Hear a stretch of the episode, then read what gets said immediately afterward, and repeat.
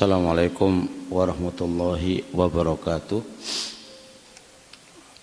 Innal hamdalillah hamdan katsiran tayyiban mubarakan fihi kama yuhibbu rabbuna wa yarallah Asyhadu an la ilaha illallah wahdahu la syarikalah wa asyhadu anna Muhammadan abduhu wa rasuluhu la nabiyya ba'dah.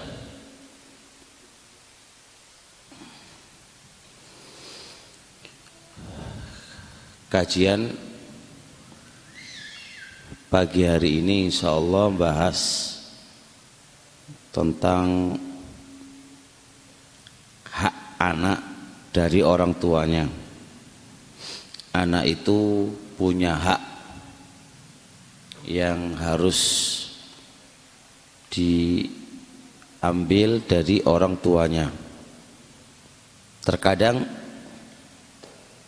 sering kali kita dengar pembahasannya hanya seputar anak wajib taat kepada kedua orang tua gitu ya. Haknya anak terabaikan karena sering pembahasannya adalah hak orang tua dari anak hak orang tua dari dari anak. Ini sering dibahas. Tapi sekarang kita balik.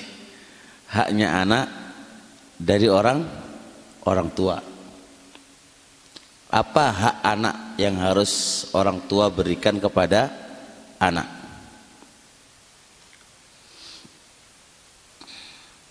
Dan ini penting. Penting banget. Penting sekali salah pendidikan maka menjadi balak bencana dalam rumah tangga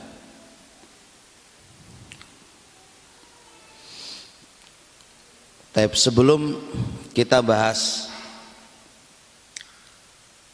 hak anak dari orang tua, kita harus paham dulu mukodimanya. Mukodimah yang pertama yang harus dibahas adalah anak itu hibatun minallah wa qurratu ainin lil abawaini. Anak itu adalah pemberian dari Allah dan anak itu bisa menjadi penyejuk mata kedua orang tuanya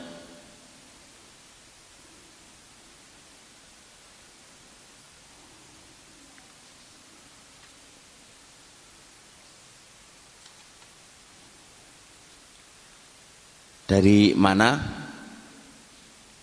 Anak itu kok dibahasakan pemberian dari Allah?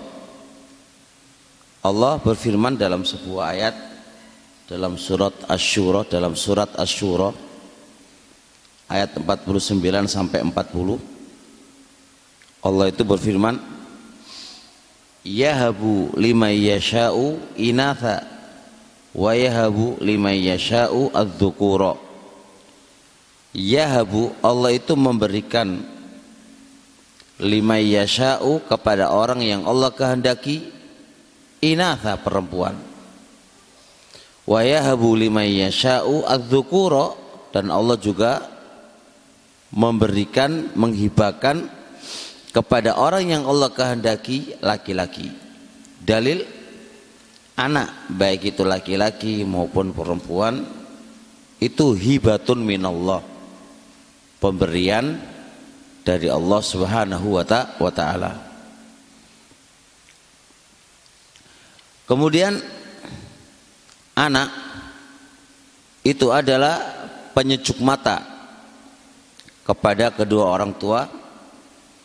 Ini diikat kalau anak itu menjadi anak soleh.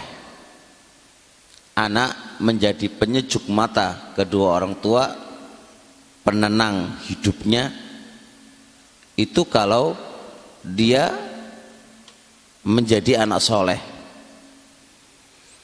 Karena apa? Ya karena apa? Karena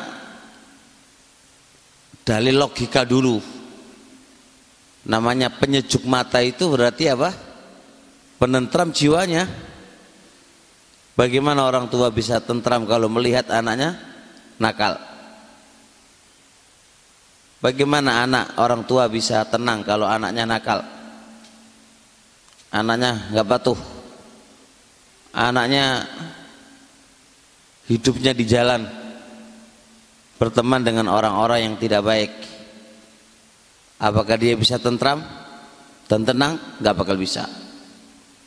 Maka diikat harus anak itu menjadi anak soleh. Di akhiratnya bagaimana? Di kuburannya bagaimana anak bisa menjadi penenang di kemudian hari di kehidupan kedua orang tuanya ketika di kuburan kalau anaknya tidak mendoakan dan dia beramal soleh? Nggak bisa. Maka Rasulullah alaihi salatu dalam hadis Ingda Muslim tadi hadis sahabat Abi Hurairah radhiyallahu taala anhu kata Rasulullah alaihi wasalam Ida mata ibnu Adam yang kota amaluhu ila mithalathin. Ida mata apabila telah mati ibnu Adam anak Adam yang kota amaluhu ila mithalathin maka akan terputus amalan dia. Yang terputus amalnya si yang mati tadi terputus amalan yang mati terputus amalannya orang yang mati. Kecuali dari tiga orang dari tiga orang itu di antaranya waladin solihin yad'ulah anak soleh yang selalu mendoakan untuknya.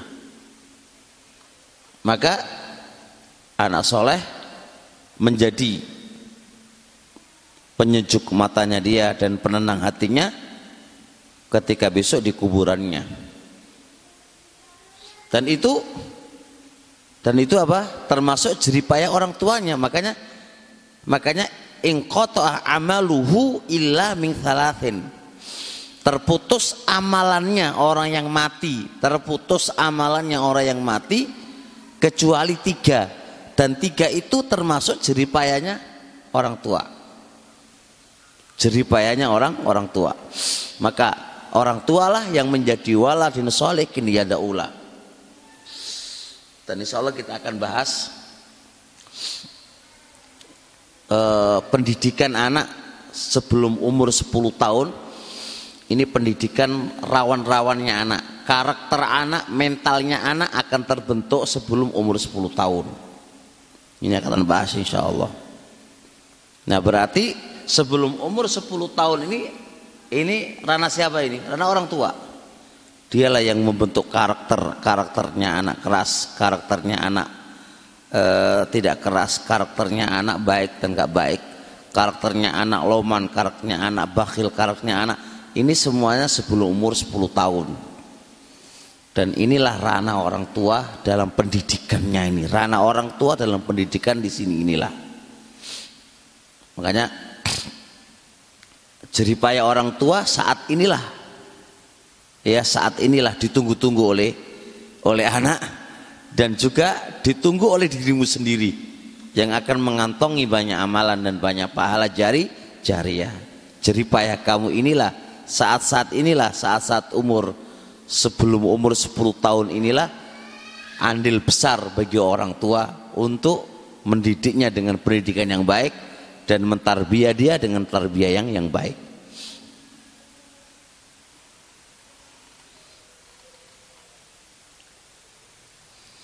Oleh karenanya karena anak soleh itu adalah penyejuk mata untuk kedua orang tuanya banyak para banyak para atau banyak Al-Quran menggambarkan bagaimana doanya ibadur rahman hamba-hambanya Allah mereka berdoa Rabbana hablana min azwajina wa dhurriyyatina qurrata ayun. Selalu mereka mendoakan dan berdoa kepada Allah ya Allah hablana berikanlah kepada kami min azwajina dari istri-istri kami wa dhurriyyatina dan anak keturunan kami rata ayun. Rata ayun. Penyejuk mata. Mereka tahu kalau anak sekedar anak tidak menjadi penyejuk mata itu rugi. Makanya selalu di, diikat. Min qurrati ayun. Dari apa itu? Dari apa namanya? Penyejuk mata. Min qurrati ayun. Jazal sebagai balasan dari apa yang mereka lakukan nah.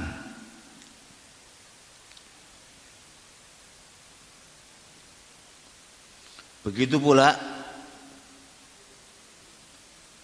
para ambia juga meminta kepada Allah Subhanahu wa taala keturunan yang baik. Rabbi habli minas solihin Rabbi habli minas solihin Ya Allah berikanlah untukku anak dari orang-orang soleh jadi harus diikat soleh. Rabbi habli minas solihin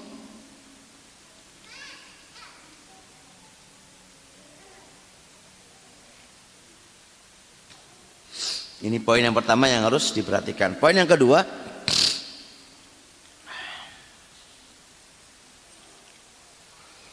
anak itu zinatun wabtilaun wakhtibarun anak itu dalam satu sisi adalah hiasan hidup.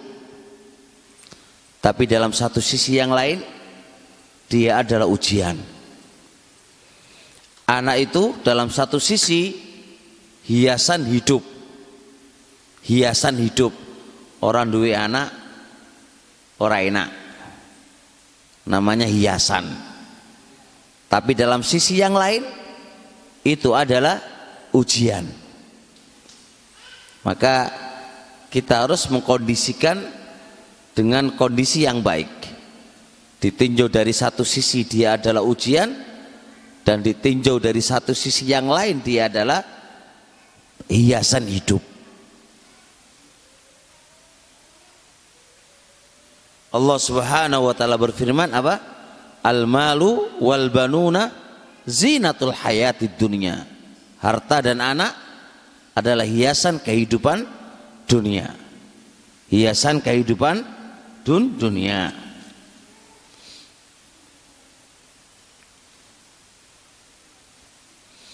Tapi dalam sisi yang lain dalam sisi yang lain Anak itu juga ujian. Anak itu adalah uji ujian. Kok bisa? Anak itu adalah ujian dari Allah. Kok bisa? Karena orang tua jibilianya, fitronya itu cinta dengan anak. Nah, ketika dia cinta dengan anak, maka di sinilah ujian apakah dia mendahulukan anak atau mendahulukan Allah dan Rasulnya apakah demi anak dia merelakan melanggar aturan-aturannya Allah.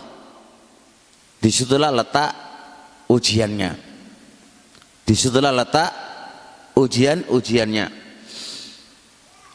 Allah subhanahu wa ta'ala menggambarkan banyak sekali dalam ayat Al-Qur'annya di antaranya ayat Ya ayyuhalladzina amanu wahai orang-orang yang beriman inna min azwajikum wa auladikum aduwwal lakum fahdharuhum. Inna sesungguhnya min sebagian. Azwajikum istri-istri kalian gak semuanya sebagian. Wa auladikum dan sebagian anak-anak kalian itu adu lakum musuh bagi kalian. Sebab anak Anda tidak bisa taat kepada Allah, musuh. Fahdharuhum, hati-hatilah dengan mereka. Lihat, istri dinamakan musuh. Anak dinamai musuh. Selama istri dan anak ini menghalangi Anda dari ketaatan kepada Allah Subhanahu wa taala, Allah yang menamainya itu musuh. Ketika Anda gara-gara anak, gara-gara istri terlalaikan dari Allah Subhanahu wa taala. Allah terabaikan, Allah terlalaikan gara-gara istri dan anak. Saat itu istrimu adalah musuhmu dan anakmu adalah musuhmu. Fahdharuhum. Hati-hati dengan mereka. Ini menunjukkan apa? Istri juga ujian dan anak juga adalah uji ujian. Allah juga berfirman innama amwalukum wa auladukum fitnah wallahu indahu ajrun azimun innama sesungguhnya amwalukum harta harta kalian wa dan anak-anak kalian itu fitnah. Ujian. Ikhtibar ujian. Anak dan istri itu ujian. Allah juga berfirman ya ayyuhalladzina amanu la tulhikum amwalukum wala auladukum an dzikrillah. Katanya Allah innama ya ayyuhalladzina amanu la tulhikum. Jangan sampai melalaikan kepada kalian.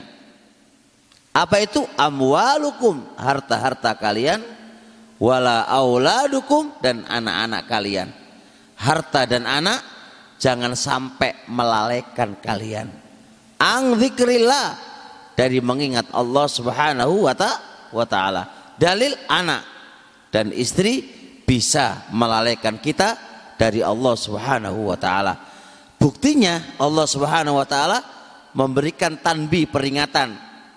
Jangan sampai melalaikan kamu semuanya, harta kamu dan anak-anak kamu.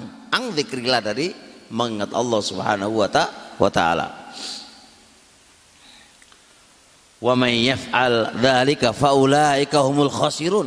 Barang siapa yang berbuat yang demikian itu maksudnya anak dan istri-istri kamu melalaikan engkau dari Allah Subhanahu wa taala lihat katanya Allah faulaika humul khasirun. Mereka-mereka itu orang-orang yang rugi. Rugi mereka coba bayangkan. Allah menamai Allah menamai faulaika humul khasirun. Mereka itu adalah orang-orang yang rugi Berarti mafhumnya dahulukan Allah. Dahulukan darul akhirah, negeri akhirat. Dahulukan Allah dan Rasulnya. Maka itulah sebuah kemenangan. Tapi kalau kita mendahulukan anak dan istri daripada Allah dan Rasulnya, maka itu sebuah kerugian.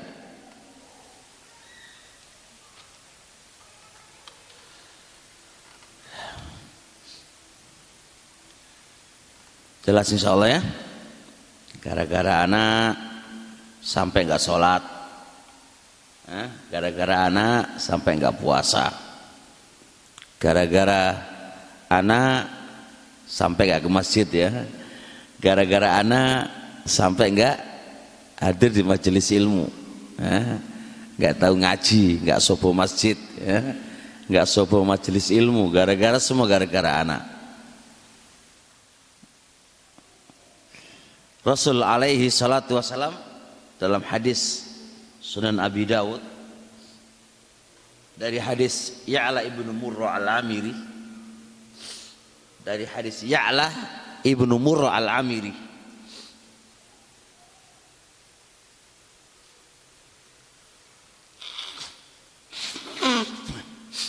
Kata Rasul alaihi salatu wasalam innal walada mabkhalatun majbanatun. Lihat kata Rasul innal walada sesungguhnya anak. Itu mabkhalatun bisa membuat anda itu bakhil. Majbanatun dan bisa membuat anda itu menjadi jaban penakut. Nggak berani perang di jalan Allah gara-gara anak. Ketika ada uh, infak gitu kan mau mengeluarkan di jalan Allah? Waduh anak wakeh kasih do nggak jadi. Waduh ini mau dikeluarkan di jalan Allah ini? Waduh susunya anakku cah padahal nanti pun nanti pun ada gitu kan. Tapi dia berpikir selalu ke anak selalu ke anak selalu ke anak. Sehingga menjadilah dia itu orang yang bakhil. Menjadilah dia itu orang yang yang bakhil. Selalu yang dipikirkan itu anak dan istri. Dengannya dia selalu bakhil. Karena pikirnya anak, anak, anak, anak, anak, anak, anak. Dipanggil jihad di jalan Allah, nggak berangkat. Kenapa nggak berangkat? Hah? Kenapa nggak berangkat? Waduh, kok mati nggak ketemu anak. Waduh, mati nggak ketemu anak ini. Kenapa kok nggak ke istri ya? Eh? Kenapa ke, ke, ke, ke ke istri? Ini sudah fitrah. Kalau sudah sudah apa? Sudah punya anak itu berganti. Sayangnya itu lebih sayang ke anak daripada ke istri gitu ya. Atau kebalik ya. Eh? Begitu. Rata-rata orang tuh begitu dan saya lihat kalau sudah anak sudah sudah punya anak ini saya lihat itu mengarahnya ke anak bukan ke istri. Mengarahnya ke anak bukan ke istri.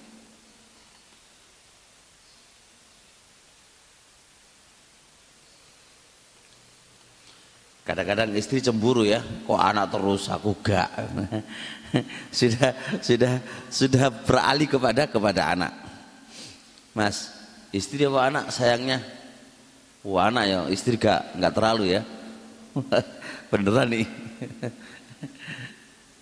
iya.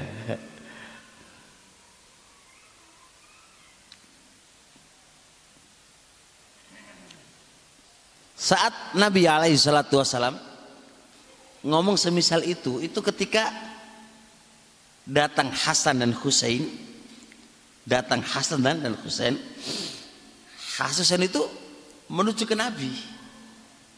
Lalu Nabi dekap lo Nabi sambil mengatakan anak itu bikin bakhil dan bikin apa? Bikin jaban penakut. Itu itu ketika ini, ini ini bukan anaknya Nabi ini, ini baru cucunya Nabi ini kan. Cucunya Nabi membuat apa? Penakut. Ya, membuat penakut dan bikin apa? Membuat ba bakhil.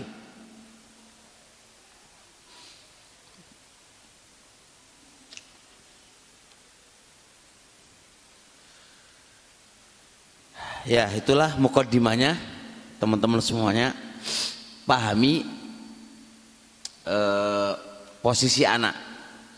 Dalam satu sisi hidup tanpa anak itu juga nggak enak. Tapi dalam satu sisi anak itu adalah ujian. Anda harus bisa memposisikan diri Anda sebagai orang tua. Ini harus difahami. Memang hidup tanpa anak nggak enak. Ya, tapi nggak enaknya karena nggak ada anak gitu aja ya tapi nggak ada ujian kan? Terkait dengan anak. Nyantai dia mau taat mau apa mau apa nggak ada masalah. Mau perang-perang gitu orang nggak ada masalah. Tapi kalau udah ada anak mikirnya seribu kali pikiran ya. Itulah anak.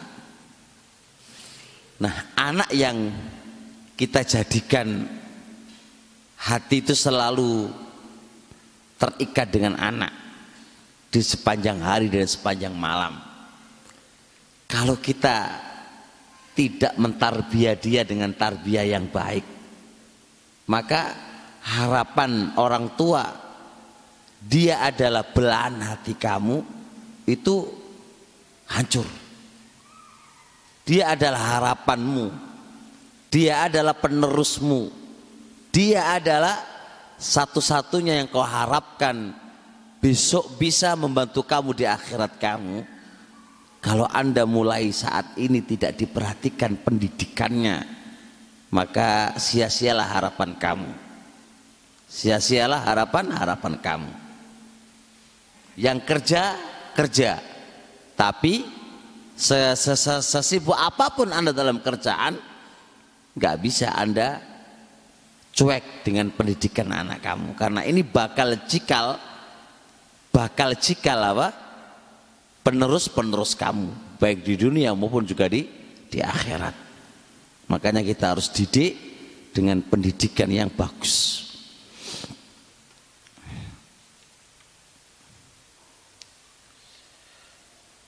Baik, pertama ini yang harus kita mulai gali dan mulai perhatikan dengan baik adalah min hukukit tifli fil islami ikhtiyaru ummi solihatin lah. Berarti kan di sini termasuk haknya anak.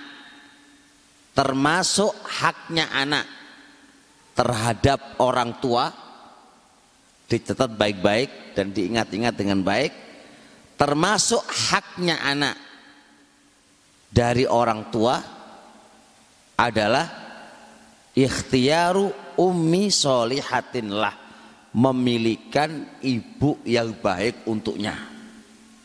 Memilihkan ibu yang baik untuknya. Masya Allah. Renungi kata-kata ini kan haknya anak. Anak bisa menuntut ke bapaknya. Anak bisa nuntut ke bapak. Apa tuntutannya anak? Carikan untukku ibu yang baik.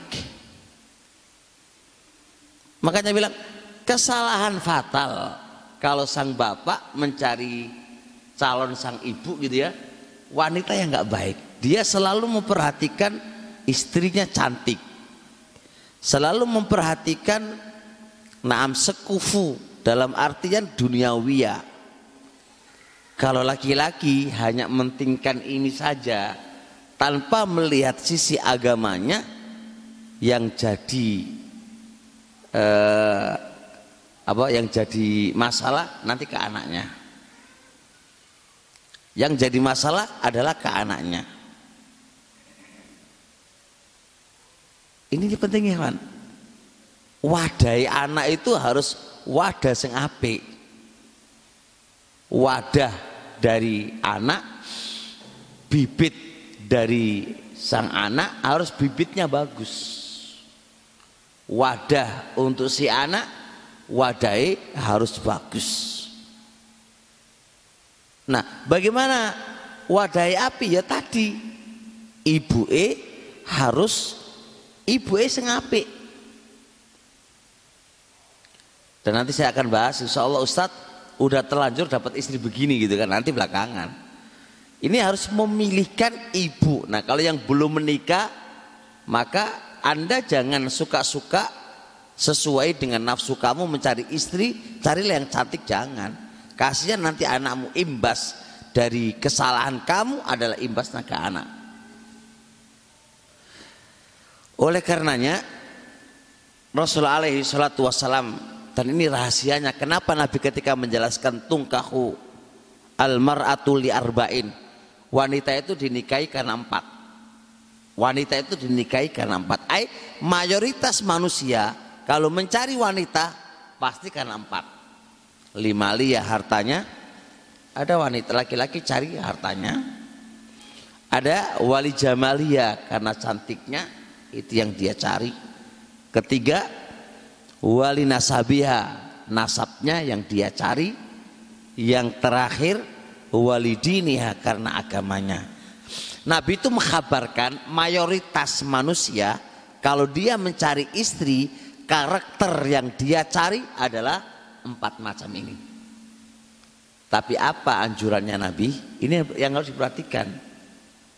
Nabi menganjurkan fadfar tadin carilah yang punya agama. Ini anjurannya Nabi. Nabi mengingatkan kepada para laki-laki, pilih wanita yang punya agama. Karena apa? Karena ini nantinya ini nanti ini nantinya rumah tangga kamu itu gimana? Kalau kamu nggak mencari wanita yang beragama itu gimana rumah tangga kamu? Ini kayak apa nanti ini? Ini rumah tangga ya. Kan ke bahasa anak. Gimana? Nanti anakmu gimana? Gitu kan.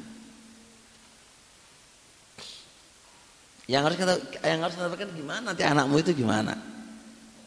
Sekarang saya kasih contoh Ewan ada wedus kurimen budiken welek. Terus kira-kira metu anaknya mirip sopo Hah? mirip sopo ini bok nih. Lah iyalah mirip bapak ini jarang dan nanti saya akan sampaikan Kenapa para ulama itu mengatakan anak madrasatul awalat, madrasahnya anak itu ibu bukan ke bapak. Kenapa kok mengarah ke ibu? Nah, ini ada ada hubungannya nanti. Ada hubungannya nanti. Jadi sekarang poin kita begini. Uh, yang belum menikah, yang belum menikah, ikutilah apa yang telah dianjurkan oleh Nabi, apa yang telah disampaikan oleh Nabi dan Nabi ketika menyampaikan itu pasti ada ada apa? Pasti ada kemaslahatannya. Dan kalau menyelisihi dari bimbingannya Nabi pasti membawa efek dan madharatnya. Itu jelas. Itu jelas. Gak mungkin tidak. Makanya Nabi mengatakan apa namanya? Fatfar bidzatad-dini taribat yadaka kalau enggak, kalau enggak rusak keluarga kamu. Rusak rumah tangga kamu. Ini ancaman. Taribat yadaka. Khasirta kamu akan rugi. Khasirta kamu akan binasa. Karena Anda hanya mementingkan selain agamanya. Maka akan binasa kamu nanti. Ini ini jelas omongannya Nabi. Wa ma yang tiku anil hawa in huwa illa wahyu yuha. Nabi nggak mungkin berbohong. Semua murni wahyu dari Allah subhanahu wa ta'ala. Taribat yadaka. Poin yang kedua masih belum hak ya tapi poin yang kedua kalau sudah telanjur sudah telanjur dapat istri yang kayak gini ini misal contoh. Saya nggak mungkin nikah lagi ini kan. Saya sekarang wis pokoknya wis ora kawin maneh pokoknya bujuku si jiwa ya udah. Kalau memang istri itu satu berarti pembahasannya adalah wahai istri sekarang saya tunjukkan ke para istri wahai istri apakah anti rela anakmu nanti jadi kayak kamu jadi orang yang tidak baik pasti anti gak akan rela. Terus bagaimana? Rubah watakmu, rubah karakter karaktermu, rubah tabiat kamu dan rubah akhlak kamu. Karena bagaimana bisa anak itu menjadi anak baik kalau kamu wahai seorang ibu karakter kamu itu kayak gitu. Akhlak kamu itu kayak gitu, budi pekertimu kayak gitu. Mana bisa menumbuhkan anak itu dengan menjadi anak soleh dan salihah wong awakmu lu koyo ngono. Kamu lu kayak gitu itu. Maka kasihanilah anak. Jangan anda berpikir dirimu. Anda jangan berpikir sekarang ini adalah hasratmu dan ego kamu tapi yang anda pikirkan adalah ke depan kamu dan masa depan anak-anakmu maka anda harus rubah yang biasa menentang suami, yang biasa bantah suami, yang biasa selalu suka marah, yang biasa suka uh, suka suka suka menuduh tanpa alasan. Ini semua tinggalkan ini. Ini ini ini ini tinggalkan ini. Kenapa? Karena yang jadi permasalahan adalah gimana anakmu itu gimana? Gimana karakter anakmu kalau kamu kayak gitu gimana?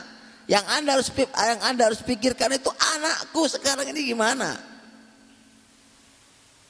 Jadi yang harus kita pikirkan. Kalau hanya mikir diri kamu, ya wis lah ya, mikir diri kamu. Ini akan berkelanjutan. Nanti kalau anakmu seperti kamu, terus cucu kamu ya akan seperti ibunya dan terus berantai terus berantai. Gak akan bisa kamu putus, kamu harus putus itu mulai sekarang. Gimana cara mutusnya? Saya sebagai ibu harus merubah watak-watak saya. Harus saya merubah akhlak-akhlak saya. Saya harus menjadi orang yang baik, harus menjadi orang yang taat kepada Allah Subhanahu wa taala, harus menjadi orang yang qanaah, harus menjadi orang qanaah. Dan seterusnya itu harus. Kasihan anakmu ya akhi, ya ukti. Kasihan anakmu nanti. Gimana tanggung jawab kamu sebagai ibu kepada anakmu? Ustadz, aku kan nggak ngajari Ustadz lah. Anak segitu itu nggak butuh kamu ajarin. meresap, eh, menyerap, mengadopsi dari kamu itu udah udah secara otomatis. Ketika kamu ketika anak itu dalam kandungan perut ibu itu sudah mengadopsi dari akhlak kamu dan budi pekerti kamu. Ketika dia di masa uh, yang dia hanya dengar hanya telinga, telinga ya kan telinga dulu kan telinga mendengar dari telinga itu sudah mengadopsi bagaimana cara bicara kamu. Kamu itu kasar apa enggak? Kata tutur kata kamu itu gimana? Sudah kamu ajarkan melewati dengan lewat kamu berbicara kepada anak-anakmu. Setelah itu anak baru bisa melihat bagaimana melihat tingkah laku kamu itu terlihat semuanya oleh anak-anak kamu. Dan itulah pelajaran pertama yang dia lihat dari kamu sendiri. Dan itu akan membentuk karakternya anak dan akan membentuk wataknya anak. Dan ini susah dirubah dan susah dilupakan. Bahkan kalau bisa kata, kita katakan mondok bertahun-tahun Pak nggak ada gunanya bisa jadi begitu karena terkalahkan dengan watak yang sudah diserap dari dari awal. Watak yang sudah terserap dari awal itu terkalah itu bisa mengalahkan memonopoli pada jiwanya anak, memonopoli kepada jiwa-jiwanya anak yang dia melekat terus kepada sang ibu. Kasihanilah anakmu kayak gitu. Jangan jangan jangan ego yang kamu pikirkan sekarang. Jangan kok jangan kok ego. Ayo berubah. Ayo berubah. Nah, oleh karenanya Ja'a rajulun ada seorang laki-laki itu, Pak. Datang ke Amirul Mukminin ke Umar bin Khattab datang ke Amirul Mukminin Umar bin Khattab. Ngapain? Mengadukan perihal anaknya. Anaknya itu kata orang tuanya durhaka kepadanya. Durhaka kepadanya. Terus dipanggil anaknya. Ditanyain. Kamu durhaka sama orang tua kamu? Iya. Nasihatin, Pak. Nasihatin, nasihatin. Setelah dinasihatin, si anak nanya, ya, ya Amirul Mukminin, apa hak anak dari orang tua? Dia langsung nyangkut pak, apa hak anak dari orang tua? Anak itu punya hak apa dari orang tuanya? Umar mengatakan, dia punya hak dari orang tua berubah apa? Ayang takia, ayang takia. Hendaknya sang bapak itu memilihkan ibu yang baik untuknya. Maka kata kata kata siapa? Kata anak. Lah haya hahwa itu dia. Ibuku tidak baik. Bapakku hanya mencari orang yang cantik saja. Tidak mencarikan ibu yang baik untukku. Apa kata Umar? Umar langsung marah itu, balik marah. Lakot akok tawaladak. Sungguh engkau telah durhaka kepada anakmu. Sungguh engkau telah durhaka kepada anak kamu. Oleh karenanya, anak kamu sekarang durhaka kepada kamu. Jadi jangan disalahkan anak kalau anak itu durhaka kepada sang bapak. Karena bapak telah durhaka kepada anak. Sebelum anak durhaka kepada orang tua, orang tualah yang durhaka kepada anaknya. Dengan dia tidak memberikan haknya. Begitu. Banyak lagi contoh-contoh Abul Aswad Ad-Du'ali. Abul Aswad Ad-Du'ali berkata kepada putra-putranya Lakot ahsantu ilaika qabla wiladatik Sungguh aku telah berbuat baik kepada kamu sebelum kamu itu lahir. Sang anak-anak jawab, kok bisa? Wong sebelum aku lahir, kok bisa ayat telah berbuat baik kepada kami ini? Perbuatan baik yang mana ini? Perbuatan baik yang mana? Wong aku belum ada kok. Apa jawaban dia? Fakhtaru lakum umman tarloh. Aku pilihkan untuk kalian sang ibu yang kalian sekarang ini meridhoinya. Aku pilihkan untuk kalian sang ibu yang sekarang ini kalian itu ridho terhadap terhadapnya. Bayangkan ya kan. Jadi memilihkan ibu untuk sang anak itu adalah sebuah kebaikan yang Anda lakukan kepada anak-anak Anda. Jelas ini insya Allah. Maka ayo sekarang udah telanjur kan, baru ngerti ilmu nih sekarang gitu kan. Maka ibu-ibu harus berubah. Berubah. Karakter dan watak-watak yang tidak baik harus dirubah. Suka ngamuk, suka ngambul, suka apa, tersinggung ini dirubah mulai sekarang. Kasihan anakmu nanti. Harus dirubah.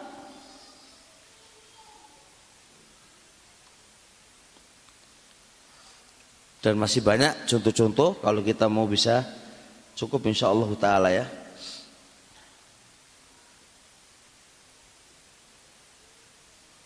Jadi eh,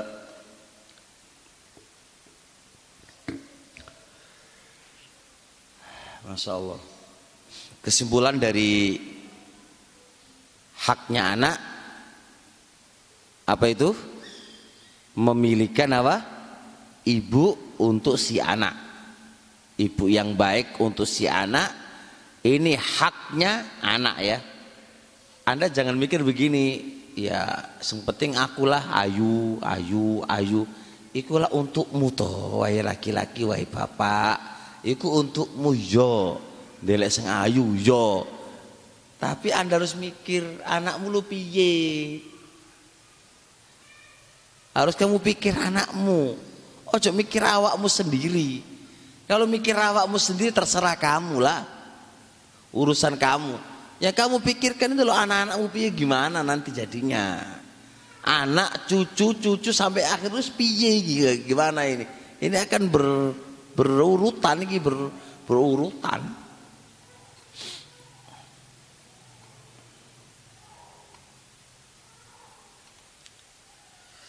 Jelas ya Allah ya ini poin pertama. Poin yang kedua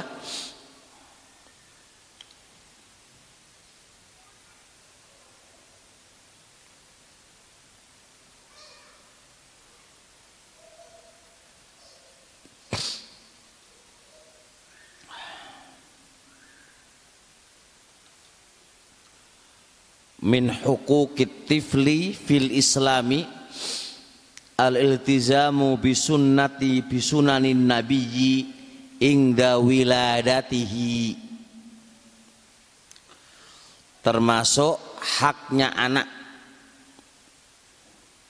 Termasuk haknya anak adalah al iltizamu komitmen dengan sunnah-sunnah Nabi ketika dia dilahirkan. Ketika dilahirkan itu itu kita harus rawat anak itu sesuai dengan sunnah-sunnahnya Nabi. Itu haknya anak. Pas lahiran itu loh, pas lahiran. Bapak ibunya harus ngerti sunnah-sunnahnya Nabi apa ketika lahiran, gimana diapain, itu harus ngerti. Kita anak di dalam perut ibunya sudah bikin yang aneh-aneh. Bikin apa? Enam bulan bikin acara apa? Terus apa lagi? Tiga bulan ini loh sikis kasihan anak wis kita ini sudah berbuat jinayah kriminal ke anak wisan. Um, belum lahir kita udah berbuat kriminal ke anak ini. Orang tua berbuat kriminal kepada anak. Ya kayak gitu itu. Bikin yang aneh-aneh. Orang tuntunan nih belum lagi ketika mau ketika lahiran. Ketika lahiran gawe yang aneh-aneh. Ingat loh ini haknya anak loh. Haknya anak lahirkan. Ketika lahirannya anak tuntunlah sesuai dengan sunnahnya Nabi. Tuntunlah anakmu itu ketika lahiran sesuai dengan sunahnya Nabi. Itu hak anak. Ojo ego. Ojo ego. Ojo melo adat istiadat. Iku hak anak tuntunan sesuai dengan agamanya Islam. Tuntunan sesuai dengan sunahnya Nabi. Tuntunan sesuai dengan ajarannya Nabi. Ojo aneh-aneh. Ojo digawe yang aneh-aneh. Niat Anda itu apik tapi nggak sesuai dengan tuntunan jadi elek. Maka anak bisa menuntut itu. Apa yang harus dilakukan saat lahiran? Tahnik. Mendoakan kepadanya doa keberkahan. Apa itu tahnik? Kurma di diapain? Dihaluskan dengan apa? Dikunyah dulu, lalu setelah itu diberikan ke ke si bayi. Sopo sing ngunyai? Ora, ayane wae mumet urusan iki. Memang yang paling bagus adalah orang tuanya, tapi orang tuanya syaratnya soleh. Lidah yang keluar dari lidahnya orang tua itu lidah soleh, ludahnya ludah soleh. Iso keberkahan. Nah wong tua nih lambini lambini nyonyor terus lambini ngerasani uang terus lidahnya lidahnya gini ngerasani uang terus lidah berkah apa ini nggak gak bakal keberkahan Ini teknik. Oleh karenanya para sahabat Nabi itu ketika anaknya itu lahir dibawa ke Nabi. Makanya dari sahabat Aisyah radhiyallahu taala anha karena Rasulullah sallallahu alaihi wa alihi wasallam adalah Rasulullah sallallahu alaihi wa alihi wasallam yu'ta bisibyani didatangi oleh para anak-anak jadi anak-anak kecil itu ketika mereka mau lahir, ketika mereka lahiran itu didatangkan ke Nabi alaihi salatu wasalam. Terus ngapain? Fayubarriku alaihim. Maka Nabi memintakan memintakan maka Nabi berdoa keberkahan. Berdoa keberkahan atas mereka. Wa yuhannikuhum dan mentahnik kepada mereka. Didatangkan kepada Nabi Nabilah yang mendoakan kepada mereka. Nabilah yang mentahlik kepada mereka. Ini haknya anak. Sehingga Imam Nawawi mengatakan dalam syarah Muslim ini adalah dalil dalil apa? Dalil kita minta kepada orang soleh doanya ketika lahiran itu orang soleh doain ya orang soleh supaya mendoakan anak-anak yang baru dengan keberkahan Dialah yang mentahnik. Dialah yang mentahnik. Naam untuk anak kita. Biar apa? Biar pertama kali yang dia rasakan itu adalah rasa ludah orang-orang soleh yang ini akan membawa keberkahan kepada itu si anak. Ibnu Hajar dalam Fathul Bari juga mengatakan yang demikian yang demikian itu. Dibawa ke Nabi ya kawan, dibawa ke Nabi dibawa ke Nabi.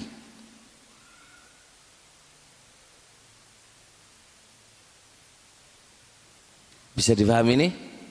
Sudahkah kita begitu? Hah? Sudahkah, sudahkah, sudahkah kita demikian itu? Enggak, musik malahan ya.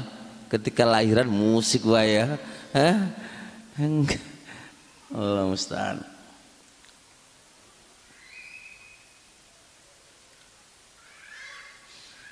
Abu Musa al Ashari radhiyallahu taala bercerita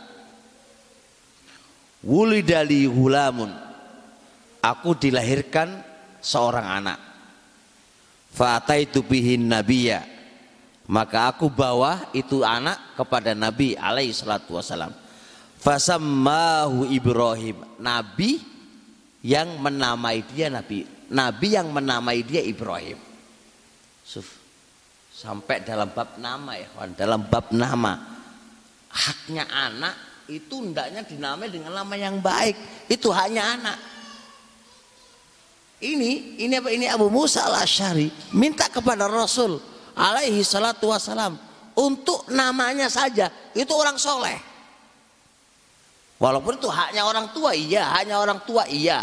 Tapi kalau orang tua nggak soleh, mut urusannya kan. Maka ada orang lebih soleh lagi, dia minta tolong kasih nama. Ini anak saya.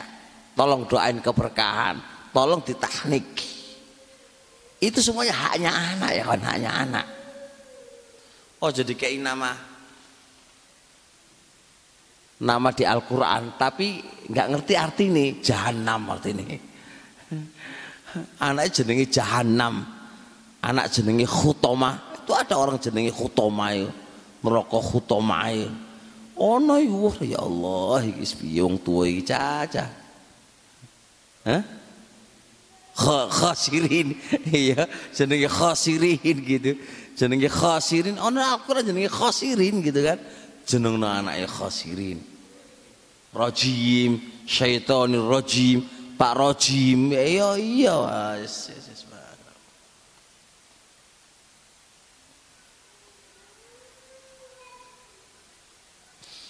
lalu fahannakahu bitamrotin.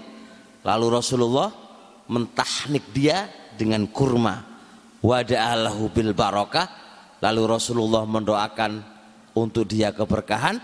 Setelah itu semuanya baru pada fahu ilayya. Lalu diserahkan kepada kepadaku itu anak.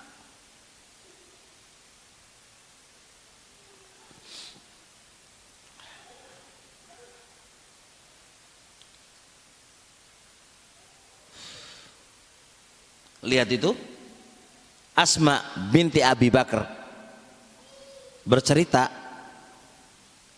tatkala beliau hamil kemudian waktu itu di Mekah. Lalu beliau keluar di bulan-bulan mau kelahirannya ke kota Madinah. Sampai pak sampai Fataitul Madinata. Maka saya pun datang ke kota Madinah. Fanazal tu bi Kuba'a lalu saya ting singgah di Kuba fawalat fawalat tu bi Kuba'a lalu aku melahirkan di Kuba Masya Allah di tengah-tengah perjalanan ke, dari kota Mekah ke kota Madinah lahir di Kuba lihat ini. Tumata itu Rasulullah Sallallahu Alaihi Wasallam. Setelah itu saya datang mendatangi Nabi Alaihi Wasallam fawadatuhu fi hijri. Lalu aku letakkan anak itu di pangkuannya Nabi. Thumma abi tamrotin lalu Nabi meminta kurma. Famawaha lalu Nabi mengunyah-ngunyah kurma tadi. Thumma tafala fi fihi. Kemudian setelah mengunyah-ngunyah itu hasil kunyahannya yang bercampur dengan ludahnya Nabi kan itu diletakkan di mulutnya itu anak Fakana awwala syai'in dakhala fi jawfi Rasulillah. Pertama kali yang masuk ke dalam perutnya anak adalah air ludahnya Rasul alaihi salatu wassalam. Ini yang masalah, ini yang penting ini. Masuk yang paling pertama kali masuk ke apa nah, ke dalam perutnya anak itu melalui lidahnya anak yaitu ludahnya orang-orang so, soleh. Orang soleh yang lisannya selalu berzikir kepada Allah. Baca Al-Quran lidahnya selalu dibikin kebaikan. Orang kok ludah dikirim ngerasani uang wai lidahnya nggak bisa dia kayak mencaci maki orang aja. Lidahnya dipakai untuk yang sia-sia. Enggak orang salah itu masya Allah lidahnya dipakai zikrullah zikir kepada Allah ini lidah ludah-ludah yang yang apa yang membawa keberkahan dalam hidupnya si anak. Terusnya setelah itu haknya anak adalah di hari ketujuh diadakan sebuah aki akikoh nasikah kalau dia mampu kemudian dicukur rambutnya ya dicukur rambut rambutnya dan diberi nama pada umur hari ketujuhnya diberi nama di hari di hari itu. Ini sunnah-sunnah yang harus kita perhatikan. Dan ini haknya haknya anak. Haknya haknya anak. Mengakikoi di hari ketujuh, memberi nama di hari ketujuh, mencukur rambutnya anak. Setelah dicukur, rambut itu ditimbang dengan perak dan disodakokan kepada orang-orang yang membutuhkannya.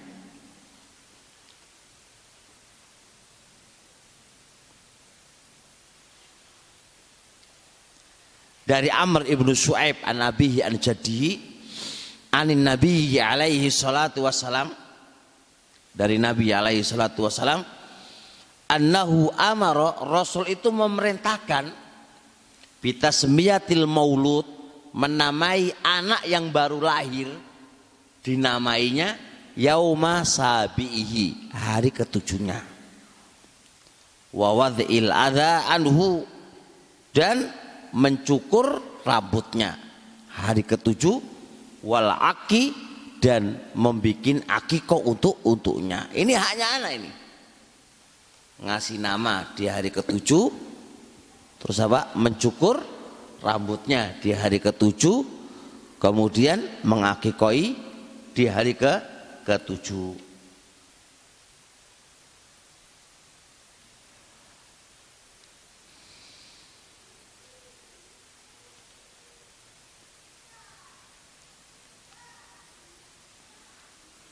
Kemudian ingat rambut tadi yang dicukur hendaknya ditimbang. Ditimbang seberat timbangan itulah Anda belikan fiddo perak. Jelas ya, jadi kalau rambutnya itu beratnya satu kilo, misal contoh gitu kan, maka Anda beli perak satu kilo. Andai kata begitu, andai kata rambutnya gede banget gitu kan. Ya ini eh, berat banget gitu. Maka maka seberat itulah Anda belikan perak lalu sodakokan. Sebagaimana hadis Rawahu Tirmidzi dan hadis ini dikatakan oleh Imam Al Albani hadisun hasan Kata Rasulullah alaihi salatu wasallam, "Ya Fatimah wa Fatimah, ikhliki ra'sahu." Cukur rambutnya. Wa tasaddaqi bisinati sya'rihi fiddatan dan sodakokanlah seukuran rambutnya perak. Seukuran rambutnya, seberat rambutnya, maka jadikan perak lalu sodakokan di jalannya Allah. Berikanlah kepada orang-orang yang miskin dan orang-orang yang fa fakir. Qalat kata Aisyah fawazannahu maka kami pun menimbangnya. Dan saat itu fakana waznuhu dirhaman au ba'du dirham. Maka saat itu timbangannya satu dirham atau separuh dirham atau bagaimana maka Fatimah pun menyodakokan itu di jalannya Allah Subhanahu wa taala diberikanlah kepada orang-orang yang membutuhkannya. Ini semuanya apa? Adalah haknya anak dari orang orang tua. Nah kalau orang tua nggak mampu, ya wis mau diapain lagi? Fattakullah mastata mastata'tum. Bertakwalah kepada Allah semampu semampunya. Saat itu kami sebagai orang tua tidak bisa mengakikoi anakku. Maka kukurlah haknya anak sampaikan kepada anak saya nggak bisa mengakikoinya karena apa karena keadaan yang tidak memungkinkan pada diri diri kami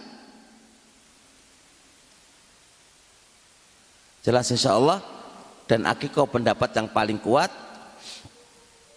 bisa diadakan di tanggal 7 dan di hari kapan pun. Kalau dia tidak ada kalau dia ada kemampuan diadakan di kapan pun itu bisa. Karena apa? Kita punya dalil. Kata Rasulullah SAW kullu hulamin murtahanun bi aqiqatihi setiap anak tergadekan dengan akikonya yang dimaksudkan tergadekan itu berarti apa kapan pun selama belum diakikoi maka dia adalah ter tergadekan. Kapan pun selama itu belum terakikoi maka anak itu tergadekan. Adapun Nabi alaihi salatu wasalam mengakikoi pada tanggal 7 itu hanya mimbab afdoliyah saja. Mimbab afdoliyah saja. Bahkan dalam hadis yang lain kalau nggak mampu ke 7 14. Kalau nggak mampu 21 ini hadis lemah. Ini hadis lemah. Dilemahkan oleh Imam Al-Albani. Kesimpulannya tidak diikat dengan waktu. Dikarenakan Rasul mengatakan kullu gulamin murtahanun bi setiap anak itu tergadekan dengan akikonya berarti apa berarti kapan pun selama belum terakikoi berarti tergadekan. Dan penyebutan Rasul alaihi salatu wasalam pada hari ketujuh itu hanya membabil afdoliyah Nabi Yuna alaihi salatu wasalam tapi hadis mukhtalafun fi Nabi itu ter uh, mengakikokan dirinya itu pada umur 40 tahun. Tapi hadis ini diperselisihkan oleh para para ulama.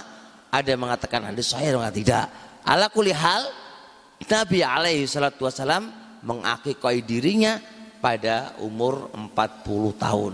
Oleh karenanya bagi orang-orang yang dulunya belum diakikoi oleh kedua orang tuanya dan sekarang ada kemampuan maka boleh bagi anda mengakikoi diri anda supaya gade itu bisa lepas. Bias biarkan kullu gulamin murtahanun biakikotihi tidak diikat siapa yang meng, mengakikoi. Nggak ada kata-kata di situ orang tua lah yang mengakoi tidak ada.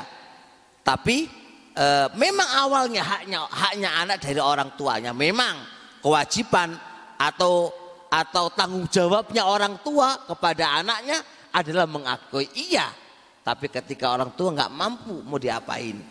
Maka biar lepas penghadian ini maka kita sebagai kita ya kita sebagai anak ya kan ya harus mengakui diri kita supaya supaya terbuka kade itu kalau enggak ya saya tergade. Ngerti tergade enggak ini? Kayak kita utang, utang terus punya mobil. Ya mobil tuh jadi gade. Eh, tergade kita ini. Eh, belum bebas. Ah, kita ini tergade belum belum bebas dengan akiko maka bayarlah dengan akiko itu dengan nasika maka lepaslah diri-diri kita ini.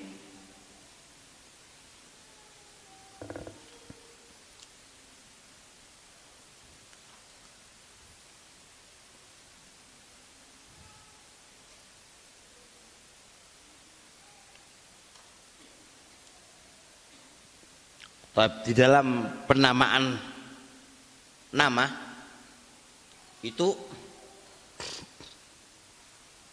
uh, boleh boleh ketika pas lahir langsung diberi nama dan bagusnya itu diundur sampai hari ketujuhnya. Dalil tentang bolehnya menamai anak ketika dilahirkan itu adalah hadis Anas bin Malik radhiyallahu taala anhu Kata Rasul kata Anas ini wulidali lailata gulamun. Telah lahir malam itu telah lahir untukku seorang anak itu malam. Malam itu lihat itu. itu bismi Abi Ibrahim. Lalu saya namain dia itu namanya Abu Ibrahim. Bayangkan ini. Ini pas lahiran itu lahiran dinamai oleh Anas langsung Abu Ibrahim. Nah, itu boleh boleh menamai sebelum pas lahiran itu boleh tapi afdolianya afdolnya bagusnya dinamai pas hari ke ketujuhnya.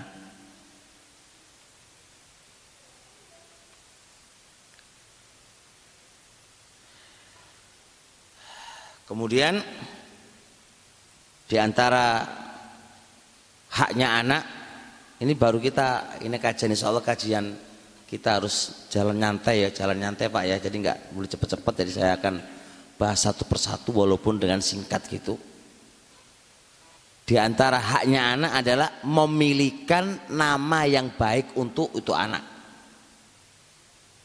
Di antara haknya anak adalah memilihkan nama yang baik untuk anak. Karena nama itu apa? Adalah harapan. Berharap sesuai dengan namanya. Ojo digiwe nama saya enak dhewe jenengi Harry. Dinamai sapa nih omong barat lah apa nyutuk omong barat itu lakari gak lakari gak gak gak apa gak nemu gak nemu nama tuh nama omong barat itu apa yang kamu dapatkan dari orang barat non Islam itu apa nama itu adalah harapan untuk anak nama sing apik. Kalau nggak ada nama, kalau nggak ada artinya begitu, ya sosok sosok orang yang pejuang Islam yang diridhoi oleh Allah. Anda berharap anakku itu seperti orang itu sebagai pejuang Islam itu saya mending. Lah iki jenenge jenenge wong barat, orang yang dimurkai oleh Allah yang non Islam. Kamu jenenge anakmu kayak gitu gimana sih kamu itu orang tua gitu kan? Piye kamu orang tua tuh gimana sih gitu loh. Coba berpikir sedikit ya orang tua. Apa Anda berharap anakmu koyok wong iku, orang yang dimurkai oleh Allah Subhanahu wa taala? Ah, mikirlah. Gitu. Kau orang mikir blasik lu piye? Iki hak anak ini orang kok suka-suka kamu itu loh. Haknya anak. Anak zaman jenenge sapa, Mas? Hmm. Lali. Siapa? Aduh, do tenan ora hafal aku sampean. Nama Aisyah tapi ngono lho.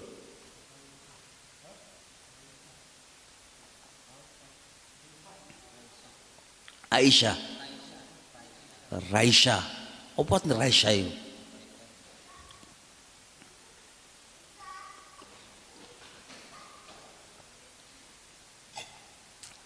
Wis, Mas. Eh. Punya anak antum? Belum nikah. Nikah lah. Bikin nikah gurung? Belum. Akhir insya Allah. Pak punya anak pak? Siapa namanya pak anaknya?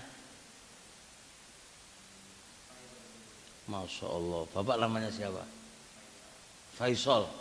Masya Allah kayak Pak Faisal ya Faisal Raja Saudi ya khair insya Allah begitulah harusnya kan nah. Diriwayatkan oleh Imam Muslim dari hadis Abdullah bin Amr bin As radhiyallahu taala anhu kata Rasulullah alaihi salatu wasalam inna ahabba asma'ikum ilallah Abdullah wa Abdurrahman. Sesungguhnya nama yang paling disukai oleh Allah adalah Abdullah wa Abdurrahman. Iki nama yang paling wapi Abdullah wa Abdurrahman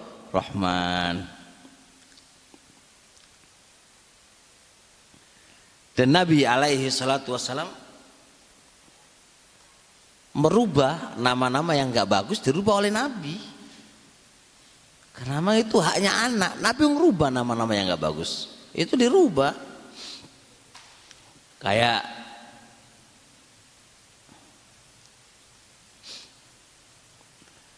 Zainab. Zainab itu dulu namanya Barroh, kebaikan.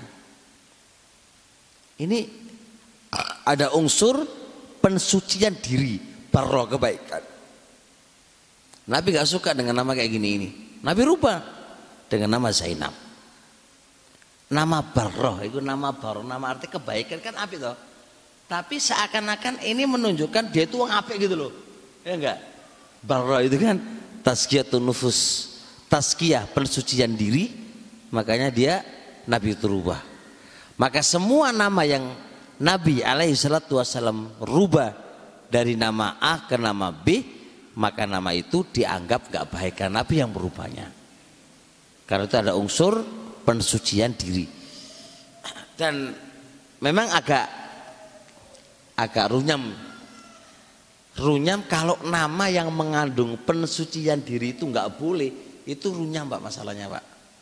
Sehingga saya simpulkan dari khilaf yang ada eh, semua nama yang Nabi rubah itu nggak boleh kita menamakan dengannya. Kayak Nabi merubah namanya apa? Barroh diganti dengan apa? Dengan Zainab. Ada yang rojul namanya Haznun. Apa Haznun? Sedih. Sedih pak. Jenenge Haznun. Dirubah oleh Nabi Antasahlun gitu kan. Kamu tuh gampang gitu kan. Namanya Sahal. Apakah Sahal itu bukan namanya Tazkiyatun Nufus? Tazkiyah pensucian kan? Tazkiyatun Nafs pensucian diri. Makanya semua nama yang Nabi rubah kita rubah karena itu mengandung tidak baik. Tapi bukan berarti nama yang mengandung harapan supaya baik itu bukan mensucikan diri tapi apa? Berharap. Berharap. Bukan mentaskiah tapi berharap. Berharap supaya seperti nama itu. Bukan men mentaskiah merekomendasi bukan, tapi berharap. Maka pendapat yang paling kuat adalah itu tadi. Jadi nama yang di, yang tidak baik jelas tadi kan hasnun sedih. Ini nggak baik masuk pokok jenengi. Hasnun itu piye? Dirubahlah. Di dirubah, di dirubah.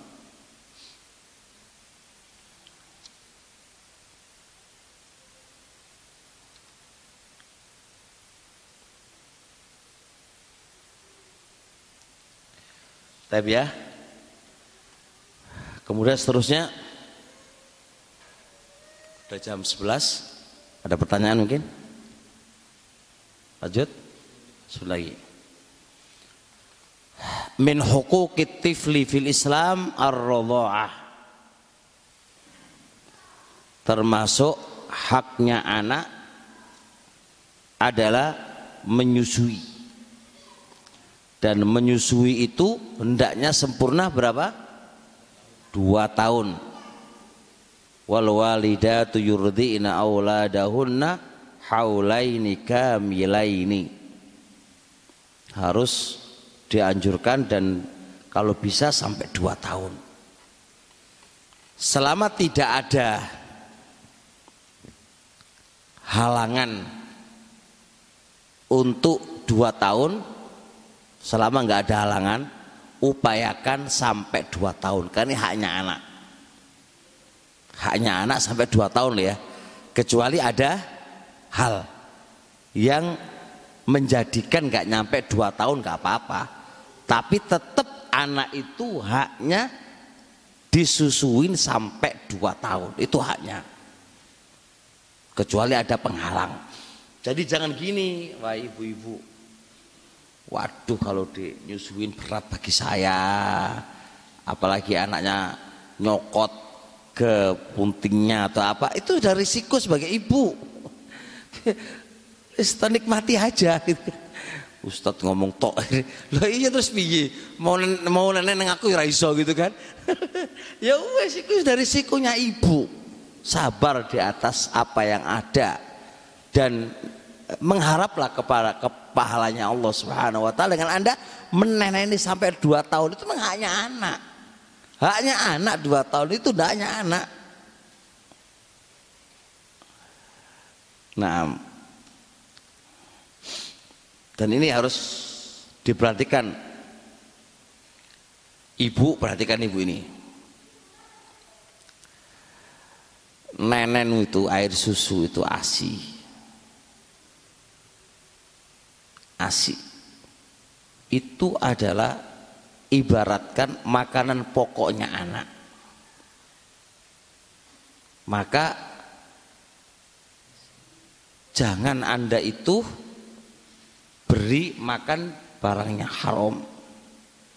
Karena akan berpengaruh kepada apa?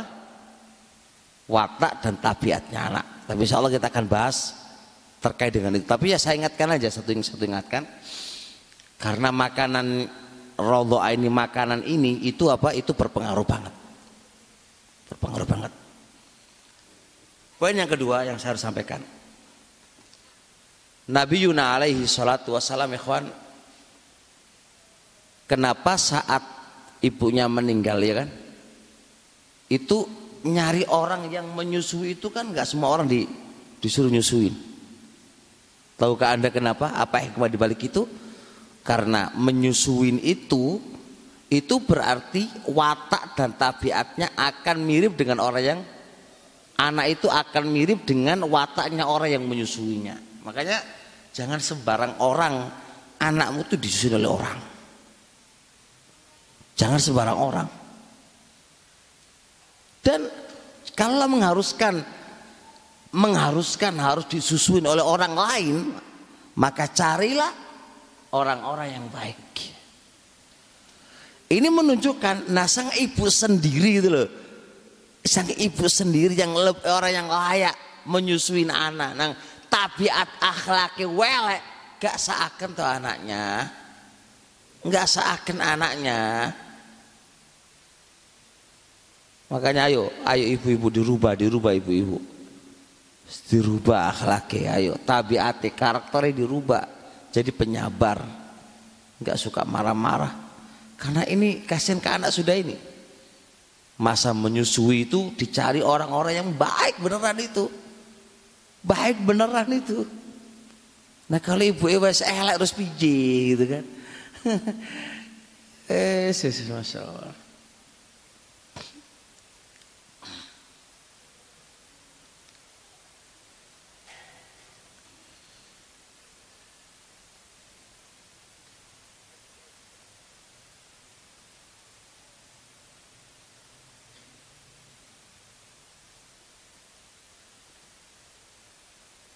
Makanya kata di buku ini dijelaskan. Falaysa min sya'nil walidati dzawatil hanani wasyafaqah ala atfalihinna wa hunna mu'minatun bi rabbihinna ayatrukna irra waladihinna duna daruratin aw hajin syadida. Tidak termasuk tidak termasuk perkara ini, tidak termasuk akhlaknya ibu yang dia memiliki rasa kasih sayang kepada anaknya. Dan mereka mening beriman dengan Robnya. Tidak selayaknya mereka itu meninggalkan menyusui anak-anaknya. Kurang daripada dua tahun. Payakan maksimalkan sampai dua tahun. Susuin mereka. Kecuali kalau memang darurat atau kebutuhan yang memang nggak bisa Sampai dua itu hanya mereka. Haula ini kami lain lima nih lima tama li apa namanya haula ini sampai dua tahun. Dan gak sepantasnya wis tahun baru enam bulan wis gak usah sakit. Jangan gitulah. Ibu kok gitu gimana sih?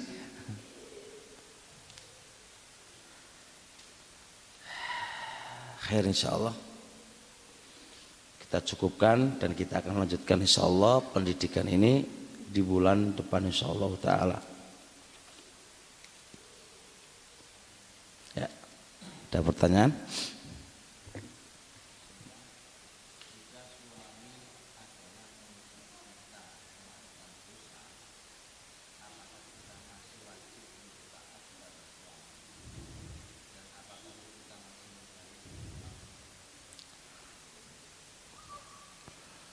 Pertanyaannya tadi kalau suami itu penyebab kita melakukan dosa apakah kita tetap wajib taat kepada suami dan mencari ridhonya suami? Ini pertanyaan masih global. Maksudnya piye suami penyebab kita berdosa. Dalam bab apa Oke lah saya gambarkan begini. Suami itu penyebab istri berbuat dosa. Dalam satu sisi gitu kan. Terus berarti kita tidak wajib taat. Enggak lah. Urusan taat itu berdiri sendiri dan kita dijadikan penyebab dosa itu urusan sendiri-sendiri. Yang tidak wajib ditaati kalau suami memerintah istri dalam kemaksiatan. Saat itulah perintahnya kita tidak taati dan kita nggak perlu mencari ridhonya dia. Nggak perlu, ngapain mencari ridhonya dia? Yang lebih kita pentingkan adalah ridhonya Allah dan ridhonya Rasulullah SAW. Nggak perlu. Itu kalau kasusnya si istri disuruh maksiat. Kan gitu kan? Kita nggak perlu taat dan nggak perlu cari ridhonya untuk apa. Tapi kalau andai kata dalam bab ini ya dalam bab ini sudah selesai gitu kan dalam urusan yang lain kok wajib? Ya tetap kita wajib suami.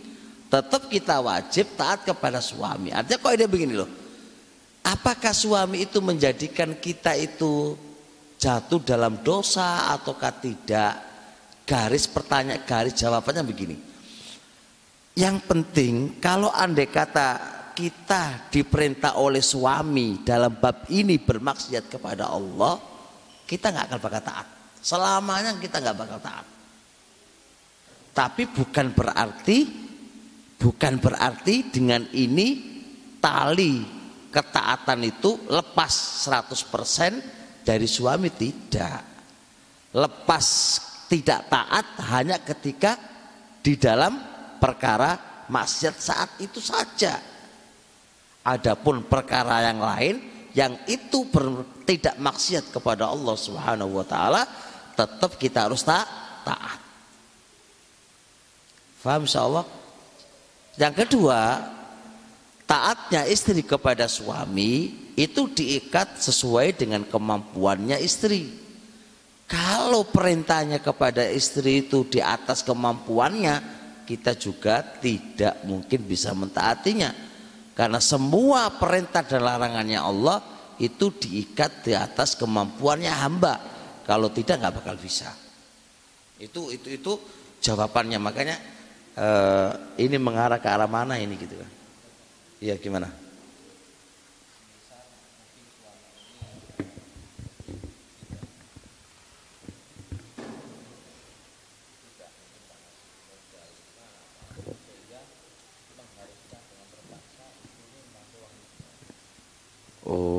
suaminya nggak kerja gitu?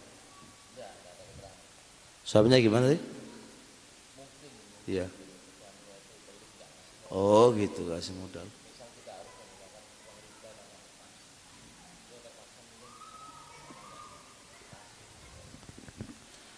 Uh, sebenarnya sebenarnya jangan dulu utang ke riba dulu sebenarnya ini butuh diselesaikan dulu karena kewajiban Istri itu kan dikasih nafkah oleh suami. Itu kewajibannya istri itu, kewajiban suami harus ngasih nafkah ke istri. Kok sampai istri tidak apa? Kurang sedangkan suami pelit ini kan enggak enggak bener lah. Jadi kalau bisa jangan ambil langkah perkara haram dulu. Selesaikan dulu. Di ranah hukum atau di ranah mana. Karena terus piye nggak kayak nafkah gitu kan sedangkan dia punya punya uang. Ini kan dosa dia si laki-lakinya itu. Nah kalau udah dosa ya dia gimana? Dirembuk lah dirembuk gimana? Sampaikan gimana terus kalau nggak ketemu ya panggilkan dua wali. Orang tuanya si laki-laki, orang tuanya si wanita dirembuk. Gimana ini? Gitu dulu jangan langsung ke area apa? Area riba berat banget kalau riba itu. Nanti kalau hutang tuh sopo yang bayari mumet nanti jadi masalah baru banyak masalah nanti itu. Kalau bisa jangan dulu lah. Selesaikan dulu atau kurangnya dalam sisi apa kalau kurangnya dalam sisi Anda berlebihan dalam menggunakan harta hartanya harta ya nggak bisa lah. Ya harusnya seorang istri kona asik lah. Kona dulu makan apa adanya dulu. Gimana bisa kona makan apanya dulu dengan sambil berembuk lah gimana caranya. Intinya kesimpulannya tahapan-tahapan tahapan itu harus di, di, di, dilakukan. Jangan langsung ke arah riba. Mumet urusan nanti itu. Anda nggak akan bahagia selamanya. Gimana mau bahagia? Anda utang riba wis. Nyicile piye? Utangi piye? Nama mumet urusan anda. Itu bukan solusi. Justru itu mendapat mendatangkan masalah. Masalah. Solusinya ya anda sabar dulu. Makan apanya dulu? Kalau mau dikasih 50 ribu ya sudah. Makan apa adanya yang ada Ya, ya situ dirembuk sih lah gimana caranya. Setelah itu kalau memang suami dirembuk kok nggak bisa dan sudah nggak bisa, panggil kedua orang tuanya sampaikan apa adanya. Kalau begini terus ya kami nggak bisa. Bagaimana bisa kami kekurangan nafkah nggak bisa makan nggak bisa minum pijit terusan. Itu dulu harus ada langkah. Jangan itu bukan solusi itu kalau utang ke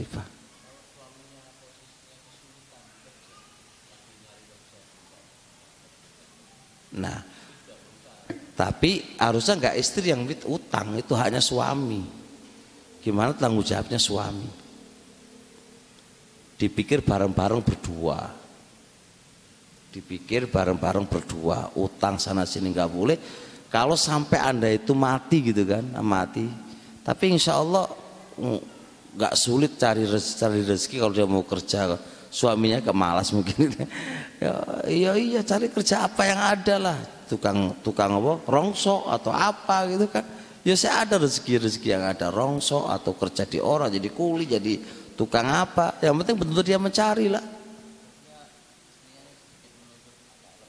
Nah kalau istri menuntut lebih itu yang masalah.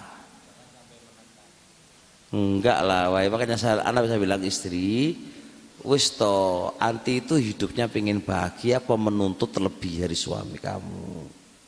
Coba berpikir yang jernih. Kalau kayak gitu tuntutan kamu itu terus piye? Mau jadi apa keluarga kamu nanti itu? Sudahlah hidup apa adanya yang penting bahagia dengan suami. Apa yang kamu menjadi tuntutan kamu itu udahlah. Kalau ada alhamdulillah. Kalau nggak ada ya sudah yang penting bahagia dulu suatu saat dengan kebaikan kamu dan kona kamu. Apa yang kamu inginkan nanti tercapai insya Allah. Gak usah, gak usah, gak, gak usah takut. Gak usah takut. Dan Allah akan mengganti dengan yang lebih baik berupa ketenangan jiwa kamu. Kamu taat sama suami, kamu melayani suami, nerimo apa yang diberikan oleh suami itu justru itu akan Allah berikan lebih. Apa lebihnya? Ketenangan jiwa kamu, ketentraman jiwa kamu. Itu. Tapi kalau kamu gayo, gayo apa jenis mendesak, mendesak, nggak bakal selesai. Satu kali itu di, di, dioken oleh suami, nggak akan menyelesaikan masalah. Pasti akan ada tuntutan setelahnya itu lagi dan nggak bisa menyelesaikan masalah. Jadi harus dirubah watak menuntut kepada suami itu rubahan selamanya nggak akan membahagiakan dirimu dan keluarga kamu. Rubahan. Pede contoh anakmu tau menikah gitu itu. Nuntut nuntut kayak gitu itu. Nggak bagus. Istri itu orang sekian nuntut. Istri itu konaah neriman. Kalau memang segitu kemampuannya suami sudah diem dan berusaha taat. Berusaha tabah menghadapi apa yang ada. Fa'ingkil Mau suamiku mau males kok. Iya, ngerti males. Selama Anda masih bisa makan lah, sudah sabar dulu. Terus dipikir bareng-bareng, ayo kita kerja yang lebih baik. Ayo, ayo, didorong lah. Itu males itu kan ada sebab. Apa sebabnya? Cari dorongan, dorongan. Setelah ada rasa cinta antara kalian berdua, insya Allah bisa. Tapi kalau suami istri nggak ngerti memanage gaya suami itu repot. Istriku monoton, pokoknya karpi harus terpenuhi. Ya ayo, susah. Suami juga akan malas untuk bekerja kalau gaya kamu kayak gitu. Itu juga malas. Coba cara yang lain coba diajak pikir yang lain gitu coba. Itu yang bisa kami nasihatkan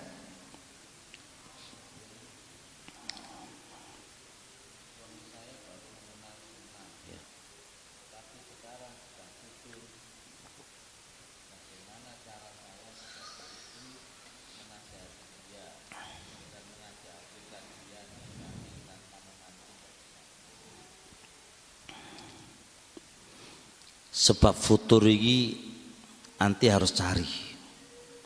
Kenapa dia sampai nggak futur? Futur nggak ngaji itu apa? Males ngaji males menghadiri majelis ilmu. Ini sebabnya apa? Saya khawatirnya sebabnya adalah maksiat kepada Allah. Maksiat inilah pemicu kita itu males hadir di majelis ilmu. Lebih suka di majelis HP main Facebookan main game main yang lain-lain.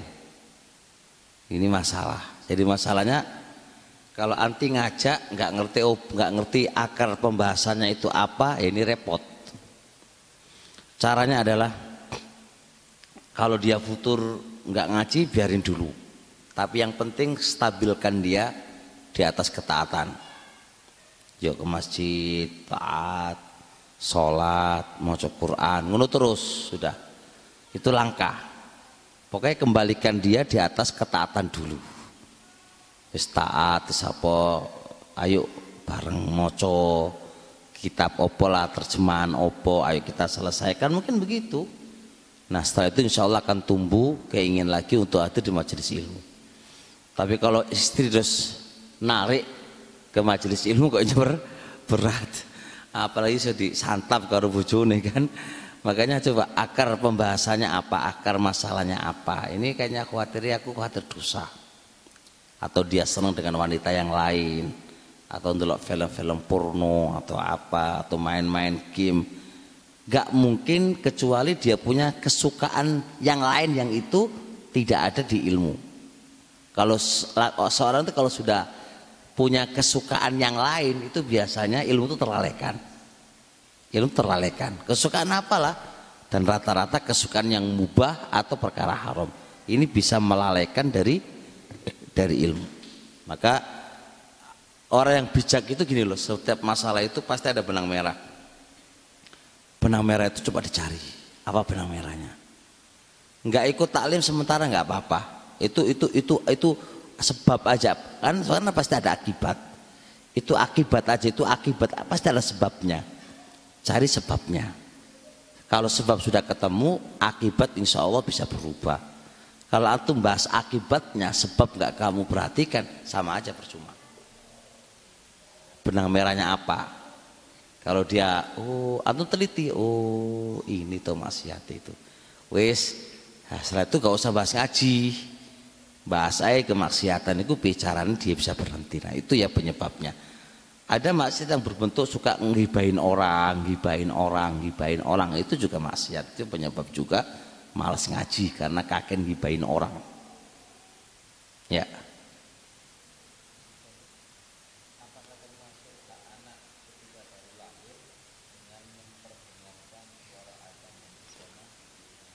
uh, azan dan ikoma ada dua ada dua pendapat.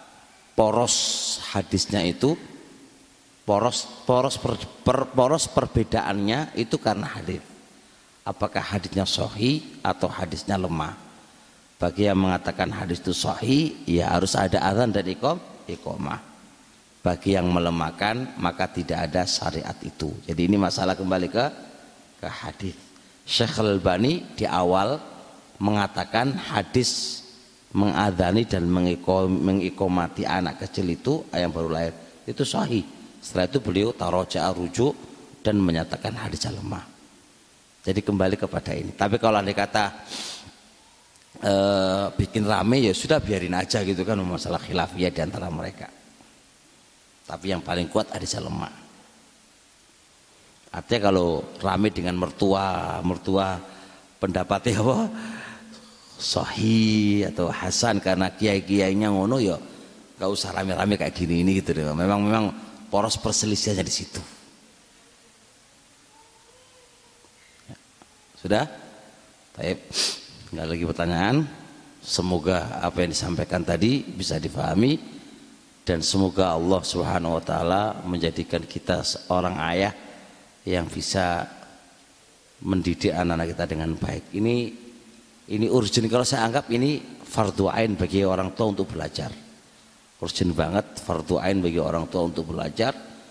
Karena ini hak orang anak yang harus kita berikan ke, yang yang harus kita berikan kepada anak. Dan ini harus dibikin doro sebenarnya. Nggak mungkin seminggu sebulan sekali. Kucuk-kucuk anak kita mati sedang kita belum bisa apa memberikan haknya dosa. Uh, aku sampai uh, sedih juga dengan hadis seorang yang diberi oleh Allah amanah dan dia tidak bisa mengamalkan amanah lam yajid jannah. Dia nggak mendapat mendapatkan baunya surga. Gara-gara kita tidak bisa mendidik anak dengan benar dan haknya anak nggak kita pendidikan dengan benar kita malah masukkan neraka. Repot juga nanti ini. Makanya tugas orang tua saya pikir gini beban yang paling berat sebagai ayah dan ibu itu sebagai ayah lebih khusus ya. Bukan masalah rezeki pak. Rezeki sudah sengatur makan apa ada segampang. Beban yang kita rasakan sebagai ayah ini apa? Pendidikannya anak. Itu kayak gunung itu di atas kepala kita itu. Makanya kalau masalah rezeki masalah apalah apa adanya lah makan gitu kan masalah. Tapi masalahnya pendidikannya anak ini yang repot. Kalau masalah rezeki dijamin oleh Allah udah anak makan itu dijamin Allah. Tapi pendidikannya anak nggak ada yang jamin pak. Semua tergantung orang orang tuanya masing-masing. Ini yang berat yang harus dipikul. Saya itu kadang-kadang saya pribadi loh mikir ini ya Allah. Jadi eh, dalam satu sisi orang punya anak itu seneng istriku udah mau lahiran. Tapi di satu sisi beban pendidikannya. Umat lagi. Allah Ustaz. Ya semoga Allah mudahkan semoga Allah mudahkan semuanya urusan kita. Baik subhanakallah hamdik asyhadu an la ilaha illa anta astaghfiruka wa atubu ilaik. Assalamualaikum warahmatullahi wabarakatuh